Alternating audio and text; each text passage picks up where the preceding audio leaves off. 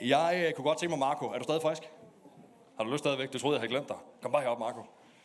Prøv lige at give Marco et hånd, så han også kommer op. Marco, hvor gammel er du? Øh, syv. Hvad, hvad hedder din mor? Dina. Hun er sød, ikke også? Ja. Ja, det det er godt. Har du altid troet på Gud og på Jesus? Nej. Det har du ikke altid. Hvordan, hvornår begyndte du på det? Der var min mor blevet kristen. Da din mor blev kristen. Og kan det passe? Var, var det her omkring kirken sådan sammen med os? Øh, ja, det tror jeg nok. Er du glad for det? Ja. Fedt. Så fik du lov til at sige noget i mikrofonen. Ja. Ja. Kan vi give Marco en hånd, som han går ned igen? Marco, han, øh, han kom til mig tidligere og sagde, kan jeg ikke få lov at sige noget i den mikrofon der? Så sagde jeg, jo, det, det kan vi godt finde ud af. Og så var det faktisk så heldigt, at, at øh, det at få ham til at sige noget passer lige nøjagtigt ind i det, jeg gerne vil tale om her i dag. Og øh, der var lige et skriftsted, som, blev, som jeg blev mindet om nu her, som jeg kunne tænke mig at læse. For vi skal nemlig have det, vi plejer at kalde, og stadig kalder, et pulslag nu. Og jeg kunne godt tænke mig i dag at tale lidt omkring noget af det, som øh, er på mit hjerte i forhold til øh, at lede den kirke her, som øh, man kan sige, jeg begyndte på. Jeg, jeg ved ikke, hvordan man siger det. Jo, det begynder jeg på her fra den 1. 1. 1. januar som ny præst. Og øh, jeg forestiller mig, at der er nogen, som måske nogle gange kunne gå og tænke, hvad tænker han egentlig, og hvad, hvor leder det hen af? Og øh, vi har ikke tid til, at jeg kan sige alt, hvad jeg tænker inde i mit hoved nu, men jeg kunne godt tænke mig bare sådan at løfte sløret lidt for nogle ting. Noget, som betyder en del for mig, og som jeg egentlig tænker, vi her i huset kommer til at fokusere på de næste formentlig mange år. Og det er det at være en næste generations kirke. Og derfor så kunne jeg tænke mig at læse det her skriftsted fra Malakias, Øh, vers, øh, kapitel 4, vers 6. Så mig, så vidt jeg husker, er det ikke rigtigt, jo, så er det det sidste vers, nærmest i Gamle Testamentet, tror jeg. Hvor at øh, Malakias, han forudser Jesu komme. Og øh, der siger han sådan her i, de, i kapitel 4, vers 6. Det, det får I ikke lige her, for jeg har ikke lige forberedt det, men jeg blev bare lige mindet om det. Han skal vende fædrenes hjerte til sønderne, og søndernes til fædrene, for at jeg ikke skal komme og slå landet med band, altså med forbandelse. Og øhm, inden jeg siger mere, så kunne jeg faktisk godt tænke mig lige at bede for det, jeg skal sige nu. Kan gøre det? Jesus, jeg takker dig for dit ord. Tak, Jesus, at du er på sådan en helt almindelig onsdag som det her. Solen skinner udenfor, og vi sidder her i Nordjylland og har et godt liv, de fleste af os i hvert fald på den ene eller på den anden måde. Sådan en helt almindelig dag som i dag, som måske kan være stresset efter arbejde, eller hvad ved jeg. Så kan du tale ind i vores hjerter ind i vores sjæl. Og du kan være med til at flytte noget. Du kan ændre banen på både på vores liv, både som enkeltpersoner, men også som kirke. Og øh, det vil jeg bare bede dig om, du vil gøre nu. Ikke at du vil komme ind nødvendigvis og revolutionere alt, hvad der foregår her. Men at du vil lade os få lov til at se lige en fli af den fremtid, som ligger foran os. Det beder dig om noget til i det her øjeblik. Jeg beder dig om, du vil hjælpe mig også til at sige det, jeg skal sige. I Jesu navn. Og alle sagde, Amen. Jeg er nødt til at bede, når man har en ekspert i prædikner siddende lige dernede. så jeg skal tale lidt omkring sådan fremtidsfokus, kunne man sige. Næste generations kirke. Ja, jeg ved ikke, om det er gået nogen næse forbi, nogens næse forbi, men du bor og lever i den vestlige verden. Og øh, her der er vi øh, kendetegnet ved flere ting, men en ting er, at vi er i hvert fald her i 2022 og i mange år før det, kendetegnet ved, at vi er individualistiske. Det vil sige, rigtig meget af vores liv, det handler omkring jeg, mig og Irene, jeg, mig og mig selv. Mit eget liv. Rigtig meget af det, vi beskæftiger os med og tænker på, det roterer rundt om os selv. Og noget andet, som det også, der også kendetegnes, eller det, den verden, vi lever i, det samfund, vi er en del af, også kendetegnes ved, er kortsigtighed, vil jeg kalde det. Så beslutninger og øh, sådan en livsstil, som øh, ikke har sådan langt perspektiv, øh, og som ofte ikke har ret mange andre generationer end vores egen med i sigte, eller i sigte. Hvor vi er fokuseret på her og nu, og på det øjeblikkelige. Jobbet, karrieren og de oplevelser, vi leder efter, er typisk alle sammen, i hvert fald for mange af os og for mange mennesker. Øhm, der er en, der skal afleveres. Værsgo, Jenny. Eller mor. Øh, er typisk kortsigtet i vores liv. Sådan er det uden for kirkens fire vægge. Og desværre er det også, fordi vi er en del af den her verden, vi lever i. Sådan for du og jeg ret ofte. At vi tænker på her nu, tager beslutninger på her nu, og så er det det, vi får øje på. Det, som føles godt, det, som jeg måske får noget ud af, eller det, som passer ind i mig og min lille familie, eller min boble. I gamle dage, der var der mange ting, der var lige så dårlige, som det er nu, selvom man ynder at sige noget andet. Men der var det faktisk sådan, at man ofte tænkte på andre end sig selv, eller tænkte længere end sig selv. Så det ville ikke være unormalt, at du ville have en landmand eller noget andet, som måske købte en jordlod, med det primære formål, at børnene, når han ikke længere selv kunne opdyrke den, så kunne de begynde at opdyrke den. Og have til dagen af vejen, efter at han selv ikke var der mere, eller hun ikke. Jeg tror nok godt, det var mest han, men øh, ikke selv var der mere. Man tænkte på kommende generationer, og investerede med dem i tanke. Sådan kortsigtet. Sådan en langsigtet, kan man sige, strategi eller måde at leve sit liv, liv på. Og jeg tror, mange af os, mig selv inklusive, ofte bare tænker på en generation. Måske mine egne børn. Måske kunne jeg være tilbøjelig til nogle gange, hvis jeg virkelig tænker langt frem, og strække mig til og glæde mig til den dag, der er børnebørn, og så have dem i tankerne også. Men ellers så er det mig selv og mine egne børn. Sådan er det for mange af os. Men Gud er anderledes. Han er en anderledes far, end jeg er, og end du er. Og mor, en anderledes forældre. Han er generationernes Gud. Han kommer ikke efter én person. Det er ikke kun et menneske, han gerne vil frelse og leve sammen med og have relation til. Det er os alle sammen. Det er familier, det er slægter, det er nationer, folkeslag. Han vil gerne samle sig et folk og et stort et af slagsen. Du skal ikke læse særlig mange kapitler, eller sådan særlig mange sider af Bibelen, før du finder ud af det, hvis du leder efter det i hvert fald. Med Adam og Eva. Bliv frugtbare og talrig. Jeg har skabt jer to, og det er rigtig godt, men jeg vil have flere end jer.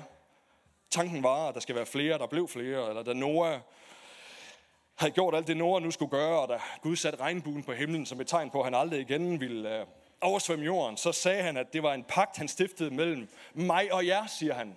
Jeg tror, det er kapitel 6 i første Mosebog. Mellem mig og jer, altså i alle generationer, fra nu af og, og til resten af den her jords tid. At det der er en pagt, jeg stifter. Ikke kun med dig, Nora, men med alle, der følger bagefter. Og til Abraham, som han sagde, fik jeg til at kigge op, jeg elsker billedet, det er det mit yndlingsbillede i Bibelen, kiggede op og så, hvor mange stjernerne var, og fik at vide, at så stort skal det folk, der kommer efter dig, og det du kommer til at efterlade på den her jord, det kommer til at blive så mange. Det bliver flere end sandet på stranden. Der er så meget sand ude bare ude på blokhusstranden, og det kan være vildt irriterende. Hvis man er lidt våd, eller får det det forkerte sted hen, eller har en baby med, der gerne vil spise det. Men han sagde, at, vi, at øh, det, det folk, han vil gøre Abraham til, og som han ville velsigne alle jordens slægter igennem, det skulle blive så stort. Og resten af det gamle testamente er jo, det render man ind i det igen og igen, at øh, hver eneste gang, at Gud giver, dem, giver nogen sejr, Israel sejr på den ene eller den anden måde over et folk, eller de lykkes med et eller andet, så er det næsten altid mønstret, at Gud på en eller anden måde giver dem en befaling, eller de selv tænker sig til det, at det her skal vi give videre til det næste. Så vi sætter en sten op, eller vi bygger et alter, eller et eller andet, der gør, at vores efterkommere, de kan fortælle den historie om, hvad det var, Gud gjorde for os. Så de ikke glemmer det. Så de lever i erkendelsen af det. Fordi Gud han er en generationel, generationel Gud, og han tænker langsigtet. Langt mere langsigtet, end du og jeg gør. Han vil, at det, I gør i dag, eller vi gør i dag, det skal have betydning for kommende generationer. For alle dem, som følger efter. Og det er svært for os som vestlige mennesker, og derfor tror jeg personligt, at det er en af grundene til, at vi måske ser så meget, at så mange mennesker gældsætter sig, eller tager hurtige løsninger, kviklån, betaler, køber telefoner, man ikke har råd til, og alt muligt andet som dybest set bare kommer til at gøre, i hvert fald kan komme til at gøre, at den dag du får børn, så er der ikke noget at give videre, som Gud måske ellers havde tænkt, du skulle. Fordi man tog kortsigtede løsninger. Men sådan er Gud ikke. Og udfordringen er for os, fordi vi er sådan som mennesker, i hvert fald i den tid, vi lever i, så er det, at vores kirke den bliver gammel. Den ældes, bogstaveligt talt, i alder. At dem, som sidder i den, bliver ældre og ældre. Det gør det jo. Vi lever livet TikTok-tiden går. Jeg kan se det på min, mit ur nu. Hvis jeg står og kigger på den, så kan jeg se, hvor gammel du bliver. Et sekund, der gik et sekund mere i dit liv. Der gik et sekund mere i dit liv. Det sker for os alle sammen hele tiden. Det sker også for kirken. Men Gud han forventer og kalder os til at give troen videre til de næste. Dem, som kommer efter os, til børnene og til de unge. Salmernes bog, den er fuld af det. Jeg sad bare lige og sådan googlede det lidt og lavede lidt, bare sådan lige lidt overfladisk research på det her i dag. Hvor mange steder, der bliver talt om slægter og næste generationer, og kong David, han sprøjter det ud. I rigtig mange af hans salmer taler han om det, at næste generation skal synge dine lovsanger, de skal tale omkring dine under. Det var en fuldstændig naturlig ting til sydlandet. For det må tænke sådan, at det Gud gør nu og for mig og for os, det skal strække sig meget længere end os. Ordsprogernes bog siger sikkert også derfor i kapitel 22, vers 6, Lær drengene, lær drengene, altså børnene, den vej, de skal gå. Og selv når de bliver gamle, så vil de ikke vige fra den. Fordi det, vi giver videre til dem, det er Gud, han gør for os, for dig og for mig. og som vi så giver videre til dem, som kommer efter os, som er yngre end os. De bliver siddende, og det kan, øh, det kan bestå. Og det er Guds tanke, at troen den skal videregives fra generation til generation. Og gør den ikke det, så dør troen jo til sidst. Der er sådan et populært citat. Jeg er lidt i tvivl om, hvem der egentlig sådan først har sagt det, men der er rigtig mange, som siger det netop med henblik på, at kirken i Vesten rent faktisk er ved at tabe de unge på gulvet. Og børnene på gulvet. Der siger de sådan her, kirken er kun én generation fra at uddø. The church is only one generation from extinct. Og nu er vi så heldige, at Gud har sagt, at han vil bygge sin kirke. Så må ikke det lykkes. Det tænker jeg, det gør, at den har overlevet værre ting, tænker jeg, end Danmark 2022, trods alt. Men øh, det ændrer ikke på, at det er rigtigt. Kirken er kun en generation fra ikke at være her mere. Hvis ikke det Gud han gør i dig, og det han gør i mig og i os som fællesskab, bevæger sig videre ned til det næste, så er den her ikke mere. Det er nogle gange sådan, Gud har tænkt sig at bygge den, tror jeg. Ved at vi giver det videre. At vi er kanaler for det, for Guds velsignelse, kanaler for Guds kraft, for hans godhed og hans kærlighed. Både til skønne nyfrelste mennesker, nogen som sidder og kommer og bliver en del af vores fællesskaber, som lærer ham at kende, men også vores egne børn og unge mennesker. Og øh, i den anledning kunne jeg faktisk godt tænke mig at være meget sådan rå og ærlig øh, med jer og vise jer lidt landets tilstand her hos os selv, lige her i huset, som jeg har siddet og kigget lidt på. Og øh, fordi vi er nemlig selv venner, en aldrende kirke. Prøv at se, hvad der kommer her. Det er det aldersfordelingen i Apostolsk Kirke Aalborg 2022. Jeg kunne, hvis, hvis I har dem, der, det er ikke sikkert, at alle kan se det. Herude, der har du en søjle. Jeg har lige lavet være med at tage tallene med, for jeg kunne simpelthen ikke have plads til det. Det er også lige meget, hvor mange det er. Men ud af de sådan cirka 180-85 nogenlunde aktive mennesker, der er i det her hus, ifølge vores egen medlemsdatabase, og den har jeg været igennem nogle gange, jeg tror, den holder sådan nogenlunde. Det er jo altid en lidt flydende størrelse. Jamen, så kan vi se her, at fra 0 til 3 år herude, de fylder så meget. 4 til 11 år, næsten det dobbelte. 12 til 18, væsentligt mindre. 19 til 25-årige, som er den der, væsentligt igen mindre. Og så er der en stor klump 26 til 35-årige. Det er mig, der får den til at blive så høj. Nej, det er det ikke. Men jeg er i hvert fald en del af den. 36 til 50, 51 til 64 og 65 plus. Og der er ikke en eneste af dem, som det der repræsenterer, vi ikke er glade for at er her. Fantastisk, at du er her. Uanset om du hører til der, der eller lige i midten. Vi er glade for alle mennesker. Gud elsker alle mennesker. Men det er en udfordring for os, det her faktisk. Jeg, jeg prøvede lige at hive dataene ud af den der, og prøve at smide det ind i Excel-ark, og tage alle vores, jeres alder, og dividere det op og se, hvad gennemsnitsalderen var. Og det er sådan noget, der ligner en 42 år gammel. Det er jo faktisk, hvor påstår er for gammelt. Som gennemsnit. Og gæt, hvad der sker med alderen, ligesom der gør, når man kigger på uret. Den stiger. hele tiden for hver eneste af os. Så dem, der er børn nu her, de bevæger sig lige så stille op og kommer op i den der del, hvis vi ellers får fat i dem. Og vi har en opgave med at nå vores børn, vores egne og dem, som endnu ikke er vores egne. Og så har vi en opgave i allerhøjeste grad med at få fat i nogle af dem, som er her. 12 til, hvad står der? 12 til 18, 19 til 25. Som vi på en eller anden måde, no blame, har tabt på gulvet, ikke er lykkes med at få fat i. Jeg tror, det der måske er sket, er ret naturligt, at folk bliver ældre, så dem, der var her engang, de er nu derover i stedet for. Og venner, hvis kirken kun er en generation for at uddø, så kunne det godt se ikke så godt ud for os, at det er tilstanden. Tidligere der har der været fokus her i kirken, jeg tror det er små 10 år siden, hvor Johannes Hels Marie og David Michel, som jeg husker det, fokuseret på, at vi skulle ned ad bjerget. Det var fordi, vi var en meget karismatisk menighed, som elskede Guds nærvær. Det gør vi stadigvæk elske Guds nærvær, det han gør i Guds nærvær. Eller det han gør ved os i Guds nærvær. Men det kan også nogle gange have lidt den der sådan, øh, tendens til, at vi glemte lidt, at der findes andre mennesker end os selv inde i det her rum. Og som jeg husker det i hvert fald, det er mine ord for det, så var det det, som det her med ned ad bjerget betød. Det var at komme, komme ned og være i kontakt med almindelige mennesker. Tag det, som Gud han giver os. Op på bjerget af Guds nærvær. Og giv til andre. Helt almindelige, rigtige mennesker. Og øh, det er måske sat lidt på spidsen, men bare for at lege med ordene, har jeg næsten lyst til at sige, at vi har, et, vi har en opgave i at komme ned i alder. For at være ned ad bjerget. Og det er ikke for alderens skyld. Det er, for, det er for de menneskers skyld, det repræsenterer. Vi er nødt til venner, og vi er kaldet til at være en kirke, som kan engagere og kan være relativ. Ikke relativ. Hvad hedder det?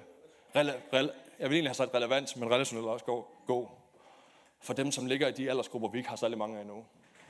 Det skal vi, venner. Det gælder vores egne børn. Og det gælder dem, der ikke er her nu. Marco, han var et super godt eksempel på det. At børn er rigtige mennesker, som har brug for at lære Gud at kende. Og der er ingen grund til, at de skal gøre det, som nogle af os har gjort, og bruge deres teenageår, eller hvad ved jeg, på at få deres liv ind. Og så skal de bruge rigtig lang tid sammen med Jesus bagefter på at få det viklet ud igen. Det er meget bedre, hvis vi kan få fat i dem i den alder der i stedet for. Så de lærer ham at kende fra de små af. Jeg har selv fire børn, og de kommer til at vokse op i et langt mere kritisk år for kristendommen samfund, end jeg selv gjorde. Og jeg synes, det var vanskeligt nok, da jeg var ung. Og jeg kan faktisk godt, jeg er ikke sådan en bekymret type, men jeg kan egentlig godt være bekymret for deres egen vandring med Jesus og deres tro, når jeg nogle gange sådan lige tillader mig selv på det område at kigge frem. Min ældste datter er 8. Det var ikke lang tid, før hun begynder at stille spørgsmål, som er svære til livet. Og at andre omkring hende begynder at stille hendes rigtig svære spørgsmål til livet. Og der har vi brug for, venner, at være en kirke, som kan fagne det. Og som har kraft nok, som er relevant lige ind i det, når man er 8 år, 10 år, 12 år, 6 år, 4 år, 13, 15, 17, 18. Men hvis vi ikke tænker generationelt, så kan vi miste vores børn. Nogle af dem. Måske mange af dem. Måske vil Guds noget ikke nogen. Men jeg tror, han har lagt det hen til os at gøre noget. Dine og mine børn. Og vi når ikke, hvis ikke vi tænker generationelt, alle dem, som vi kunne have nået. Alle de markor, som vi kunne have nået med evangeliet. Og jeg vil dybest set hellere, venner, at mine egne børn og de teenager, som kommer til at vokse op i mit hus, de kan lide at komme til gudstjenester her, og de ting, vi laver, end jeg selv kan. Jeg vil elske, hvis jeg kom hjem fra kirke, og jeg selv tænkte, det var da en lidt fesen dag, og mine børn kommer flyvende ud af døren. Fordi vi sang ikke de sange, jeg synes var gode. Vi sang ikke dem, som jeg føler er salvede. Og dem, som virkelig får mig ind i mit sweet spot. Hvor jeg bare kan mærke, Gud er der jo. Han elsker jo den sang, ligesom jeg elsker den. Jeg vil meget, meget hellere, at jeg kunne stå og se mine børn løfte deres hænder. Og tårerne triller ned i deres øjne. Mm-hmm. og øh, for lov at opleve det, som du og jeg har oplevet. At Jesus, han er levende, han er virkelig, han er ikke teori. Og det kan han hurtigt blive, hvis man vokser op som et sted som det her. Jeg vil meget hellere, venner, at når de går ud af døren, til hvad end vi laver, de møder os, så er det dem, der får noget ud af det. Og lidt mindre af mig selv. Lidt mindre af dig, som får noget ud af det. Jeg kunne godt tænke mig at se sådan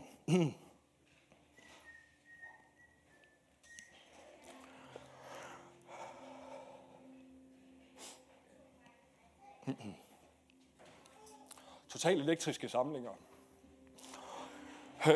Med passionerede mennesker, og uanset alder, som mødes på det her sted, eller hvor vi nu kommer til at høre til i fremtiden. Det er fuldstændig ligegyldigt. Et eller andet sted. Hvor der står masser af børn og unge imellem. Som bare har tårne løbende ned, hænderne løftet. Fordi de har lært ham at kende. Og fordi de ved, at han, de, han vil dem. Og fordi de ved, at han kan. At det er dem, som beder for de syge. Det er dem, som taler profetiske ord ind i folks liv. Det er dem, som kommer og siger, far, det beder vi da bare for. Gud kan jo, far. Jeg har hørt det nede i børnekirken. Jeg vil meget hellere, at det var sådan, det var, end at det er mig, som får noget ud af det her sted. Eller at du gør.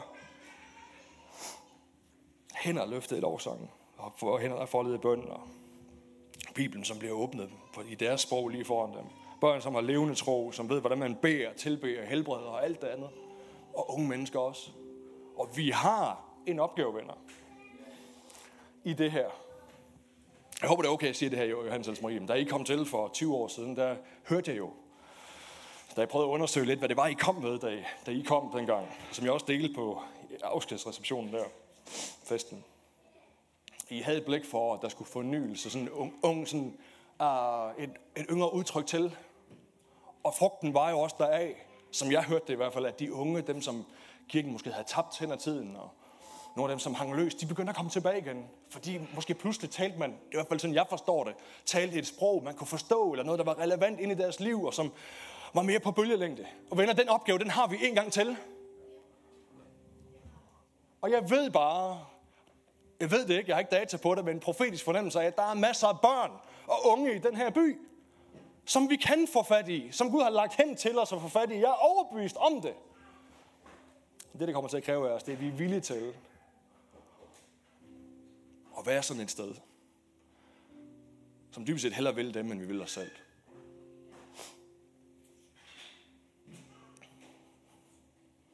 Og det er der, vi skal hen. Det er der, vi skal hen. Så det bliver et fokus de kommende år, venner. I de ting, vi kommer til at gøre, de ting, vi kommer til at investere vores penge i. Jeg kommer ikke til at sige noget konkret lige nu, at lige om lidt, så ser det sådan her ud. Det ved jeg slet ikke. Jeg er ikke engang sikker på, at jeg selv ved, hvordan man gør det her. Jeg er 34, jeg er allerede gammel i den tid, vi er i. Men ved du hvad, jeg vil hellere, at når Jens Erik er ude på efterskole, han tager sine efterskoleelever med herind, at så tænker de, det der, det var for blæret. Og jeg så går ud og tænker, det var knap så blæret. Det var ikke lige min stil. Det vil jeg meget hellere, Jens Erik. Og, øh, og på en eller anden måde, venner, så skal vi derhen af. Vi skal derhen af. Hvorfor? Fordi jeg tror, der er mest på spil hos børn og hos unge. Du og jeg, vi sidder jo allerede, som vi synger i sangen, på vores salige vidshed. Vi ved jo allerede godt, hvor vi hører til. Han har købt og betalt os. Vi har forstået det. Vi ved ikke, hvor man siger amen. Men det gør vores børn og vores unge ikke. Og de der år, uden at jeg er psykolog eller noget, så har jeg da forstået sådan nogenlunde, at de der år fra 10, 20, eller hvor meget det nu er, 10 til 20, teenageårene, det er de mest formative år, vi overhovedet har. Der skal vi selvfølgelig, venner, være der. Selvfølgelig skal vi det.